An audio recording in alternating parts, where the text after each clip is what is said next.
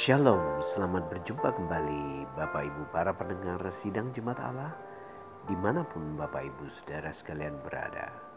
Saya percaya Bapak Ibu dalam kondisi yang sehat, diberkati oleh Tuhan, dipelihara dalam segala kebaikan dan kemurahan Tuhan. Kita akan segera mendengarkan renungan firman Tuhan dengan judul Bagaimana Kita Bertumbuh. Teks kita terambil dalam Efesus pasal 4 ayat yang ke-15. Di situ dikatakan Allah ingin kita bertumbuh serupa dengan Kristus dalam segala hal. Nah, Bapak Ibu para pendengar yang dikasih oleh Tuhan Yesus Kristus, tujuan Bapa surgawi kita ialah agar kita dapat menjadi dewasa dan mengembangkan karakteristik yang dimiliki oleh Tuhan Yesus Kristus. Sayangnya, banyak dari antara kita mungkin bisa saja bertambah menjadi tua, tetapi tidak pernah bertumbuh. Kita bertahan sebagai bayi rohani terus-menerus, tetap dalam pakaian dan sepatu bayi kita Sebabnya adalah karena kita tidak pernah berkeinginan untuk bertumbuh. Pertumbuhan rohani tidaklah terjadi secara otomatis. Dibutuhkan komitmen yang terencana. Kita harus mau bertumbuh, memutuskan untuk bertumbuh, dan melakukan upaya untuk bertumbuh, serta terus-menerus bertumbuh dalam pertumbuhan. Nah, pemuritan adalah salah satu proses menjadi serupa dengan Kristus. Selalu dimulai dengan suatu keputusan. Tuhan Yesus telah memanggil kita dan kita menanggapinya. Ia berkata, kepada kita sekalian, mari ikutlah aku. Jadi Bapak Ibu Saudara, ketika kita mengambil keputusan untuk percaya kepada Tuhan Yesus Kristus, itu berarti kita menjadi murid-muridnya. Nah keputusan untuk menjadi muridnya itu juga berarti kita putuskan untuk menjadi serupa dengan Kristus. Nah, para pendengar yang dikasih oleh Tuhan Yesus Kristus, yang paling kuat membentuk kehidupan kita adalah komitmen-komitmen yang kuat. Komitmen-komitmen kita bisa mengembangkan kita atau bahkan bisa menghancurkan kita. Tetapi bagaimanapun komitmen kita akan menentukan keadaan kita. Jadi, pada titik komitmen inilah sebagian besar dari antara kita akan melihat kemuliaan Tuhan. Banyak memang orang yang takut untuk mengambil suatu komitmen. Hanya mengalir saja mengikuti kehidupan sehingga kita sering kali frustrasi dengan keadaan kita. Kita sering kali stres dengan tekanan yang kita alami bahkan tertekan karena beberapa sasaran-sasaran kita tidak terjadi seperti yang kita harapkan. Nah, Bapak Ibu para pendengar dikasih Tuhan, jika kita adalah murid Kristus, maka kita harusnya bertumbuh. Bertumbuh bagaimana? Bertumbuh untuk memiliki karakter Kristus.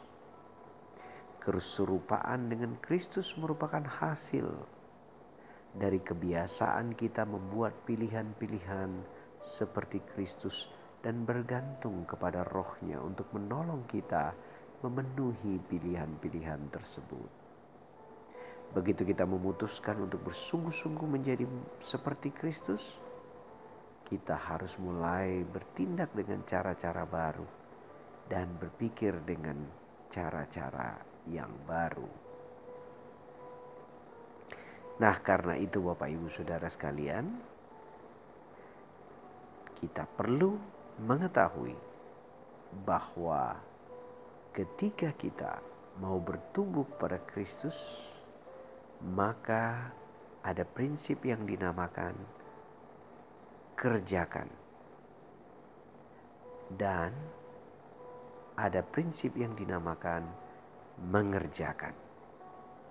Seperti halnya dalam firman Tuhan yang berkata, "Tetapi kerjakanlah keselamatanmu dengan takut dan gentar, bukan saja seperti waktu aku masih hadir, tetapi terlebih pula sekarang, pada waktu aku tidak hadir." Karena Allah lah yang mengerjakan di dalam kamu, baik kemauan maupun pekerjaan menurut kerelaannya. Karena itu Bapak Ibu Saudara dari teks itu kita melihat bahwa Tuhan sudah mengerjakan bagiannya. Sekarang kita mengerjakan bagian kita. Dia sudah menyelamatkan kita. Tugas kita sekarang adalah mengisi keselamatan yang Tuhan berikan itu dengan bertumbuh ke arah Kristus. Nah, karena itulah hari ini, mari Bapak Ibu saya ingatkan kembali untuk mengalami pertumbuhan di dalam Kristus. Bagaimanakah saya mengalami pertumbuhan, Pak? Tentu pertama kita harus mulai dengan komitmen kita untuk mau bertumbuh, untuk mau sungguh-sungguh mengenal Tuhan. Komitmen ini akan melahirkan keputusan kita untuk membaca firman Tuhan saya mulai membaca firman Tuhan dan mulai belajar untuk mengikutinya. Yang kedua, setelah membaca, kita belajar untuk melakukannya. Tidak hanya menjadi pendengar firman, tapi menjadi pelaku firman. Tapi berat, Pak. Nah, itulah namanya proses pertumbuhan. Tapi sakit bagi daging saya, Pak. Itulah proses pertumbuhan. Kalau kita masih ingin menjadi bayi rohani terus, silakan memutuskan bahwa kita tidak ingin melakukan firman Tuhan, kita tidak ingin membaca firman Tuhan, kita mau buat apa yang kita mau. Tetapi Bapak Ibu yang sudah mengambil keputusan untuk percaya kepada Tuhan Yesus sebagai Tuhan dan Juru Selamat, Alkitab menyebut kita murid Kristus. Dan siapa pun Bapak Ibu Begitu Bapak Ibu mengaku Yesus adalah Tuhan dan Juru Selamat, Tuhan meminta kita untuk bertumbuh ke arah Kristus sama seperti dia. Sehingga ketika Bapak Ibu digosipin, dijelekin, dihina, Bapak Ibu tidak membalas lagi dengan kekerasan. Tapi mendoakan orang yang menyakiti Bapak Ibu serta mengampuni mereka. Ketika pintu bisnis kita ditelikung, ada orang yang bermain dengan cara-cara yang kotor, Bapak Ibu tidak membalasnya dengan cara-cara yang jahat, mendoakannya dan mengampuninya. Ketika Bapak Ibu melihat tekanan dalam kehidupan, Bapak Ibu tidak putus asa, tapi mulai bergantung kepada Tuhan. Nah, Bapak Ibu Saudara sekalian, pertumbuhan adalah di mana karakter Kristus itu terlihat dalam kehidupan kita sehingga orang melihat kita sebagai orang yang berbeda. Dulu saya lihat Edo itu demikian, sekarang kok lebih baik, lebih rohani,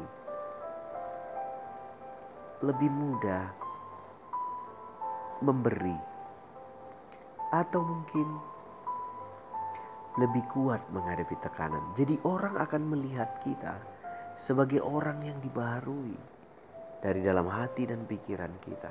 Bukan karena kita, tapi karena Kristus bekerja di dalam kita. Nah, seperti kata tadi, bahwa ada bagian Tuhan menyelamatkan kita, tapi ada bagian kita di mana kita harus belajar untuk bertumbuh, meninggalkan segala popok rohani, baju-baju rohani kita yang masih baby, menggantinya menjadi baju kedewasaan. Nah, Bapak Ibu Saudara, masalah, proses, tekanan, pergumulan adalah alat Tuhan untuk mendewasakan kita. Kita dilatih supaya kita menjadi dewasa. Sehingga ujung dari semua ini orang bukan melihat Edo lagi, Bapak Ibu lagi, tapi orang lain melihat Kristus hidup di dalam Bapak Ibu Saudara sekalian. Selamat bertumbuh Bapak Ibu Saudara. Tuhan Yesus memberkati kita. Shalom.